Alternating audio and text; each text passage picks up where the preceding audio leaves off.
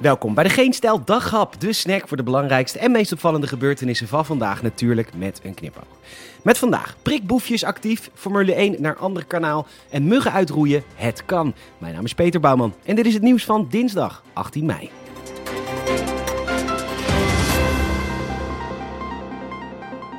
Er zijn mensen die voordringen voor een prik. Dit soms met een leugentje en soms met een kleine list, dat meldt het AD. Er wordt namelijk niet gecontroleerd of je bijvoorbeeld een briefje van je huisarts hebt. Nou ja, er wordt wel gecontroleerd, maar dan steekproefsgewijs, want de GGD's hebben geen tijd om iedereen te controleren, want ze zijn aan het prikken.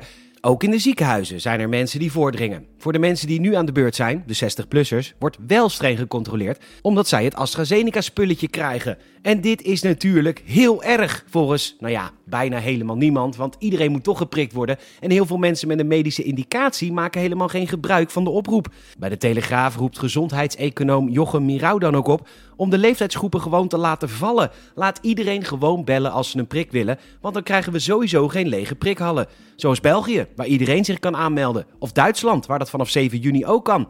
Voordringers zijn de meest fanatieke mensen van ons land. En als iedereen mag, zijn er ook geen voordringers meer. Of lege prikhallen, of lege hulzen van Hugo de Jonge. Bedankt Tweede Kamer, bedankt. Er is een motie aangenomen waarin het kabinet gevraagd wordt om het gele boekje te accepteren als vaccinatiebewijs. Geen DigiD, geen irritante zo lek als een mandje kut-apps, maar gewoon een ouderwets geel vaccinatieboekje die al decennia lang internationaal geaccepteerd wordt bij allerhande vaccinaties. Dat is iets wat we nu hebben en dat werkt, maar nee... Coronamisser Hugo de Jonge wil wachten op het Europese groene certificaat. En dat is natuurlijk de wereld helemaal op zijn kop. Alsof je naar het casino gaat, je zet bij roulette alles op 27. Hij valt, je krijgt een stapel fiches mee, je gaat naar de kassa en daar zeggen ze dat de fiches niet inwisselbaar zijn, want er wordt op dit moment gewerkt aan een Europees uitkeringssysteem voor gokinkomsten. Ja, het is misschien geen goed voorbeeld, omdat het hele idee te stom voor woorden is. In de VS is het bewijs wat je van de prikvrouw krijgt genoeg en dit is juist het voorbeeld van die oude bestuurscultuur vol wantrouwen en alles centraal geregeld willen hebben, wat misschien klinkt als de gemakkelijkste weg, maar het is zo onpraktisch en duur en dom en zo ver verwijderd van de mensen. Ik bedoel, er zullen misschien een paar honderd mensen zijn die een vaccinatiebewijs vervalsen, maar die zouden sowieso al geen prik laten zetten. En die lopen alleen maar risico op zichzelf en andere anti-vaxxers te besmetten. Terwijl straks met die app weer honderdduizenden gegevens op straat komen te liggen door hacks en onwetendheid van medewerkers of whatever. Ik wil gewoon een stempel van de prikvrouw. En als ik dan op vakantie ga en ik sta op Schiphol en de douanier vraagt naar mijn bewijs, dan zeg ik... Kijk, noest werkende grensbewaker, dit is mijn papiertje met een stempel van de prikvrouw. Ze heet Trudy en ze deed dit vrijwillig omdat ze begaan is met de wereld en ooit een prikcursus heeft gevolgd omdat ze vrijwilliger is bij het Rode Kruis. Met een glimlach van oor tot oor prikte Trudy me terug naar de vrijheid, waardoor ik nu hier op Schiphol sta, giebelend van de voorpret voor mijn vakantie naar Kos. Douanier Glen, hier is mijn vaccinatiebewijs. Controleer deze met al uw vakmanschap en kennis van vaccinatiebewijzen zoals u die al jaren toepast voor bijvoorbeeld malaria. Waarop Glenn zegt: Ja, prima, je had hem alleen hoeven laten zien. Dat gelul had je best thuis mogen laten. Ja.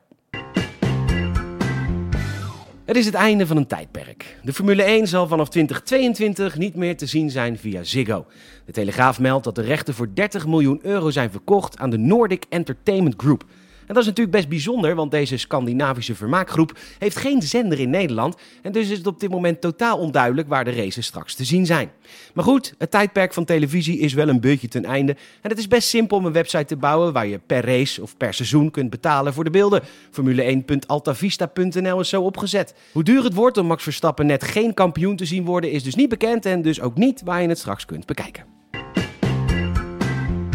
Je zou zeggen dat als je iets gaat studeren, dat je dat doet omdat je van het onderwerp houdt. Een dierenarts houdt van dieren en een tandarts wil schone gebitten. Zo niet voor medisch entomoloog Bart Knost. Hij haat muggen en wil ze het liefst allemaal uitroeien. Terecht ook, de lieve, lieve, lieve bij heeft het zwaar en heeft nut ook. Muggen verspreiden alleen maar ziektes en irritatie. Knols kreeg de kans om zijn muggenhaat te botvieren op het eiland Kunfun Adho in de Malediven. En met succes, want binnen een jaar hebben ze de muggenpopulatie met 95% weten te verminderen. Zonder enige pesticiden, maar gewoon met vallen. En dat moet een behoorlijke klus zijn geweest, want elke gevangen mug is geteld en geïdentificeerd om te kijken welke val het beste bij welke mug paste. Dat meldt HLN. Het eiland werd onderverdeeld in 40 blokken en elke week werden de vallen gecontroleerd. En wat ze eigenlijk allemaal al hoopten, het heeft geen enkele invloed op de biodiversiteit al daar. Want volgens Bart zijn er geen muggenetende amfibieën en bij bestuiving spelen ze een nihile rol ten opzichte van die lieve, lieve, lieve bij. En nu wil Bart meer en alle muggen op het eiland uitroeien. Hij wil naar 100%. Nou, geweldig Bart, doe je best. Wij zijn in ieder geval blij dat je entomoloog bent geworden en geen dokter. Bedankt voor het luisteren en je zou ons enorm helpen als je een vriend of vriendin vertelt over deze podcast. En ook een Apple Podcast review zouden we enorm waarderen. Maak er een mooie woensdag van. Tot morgen.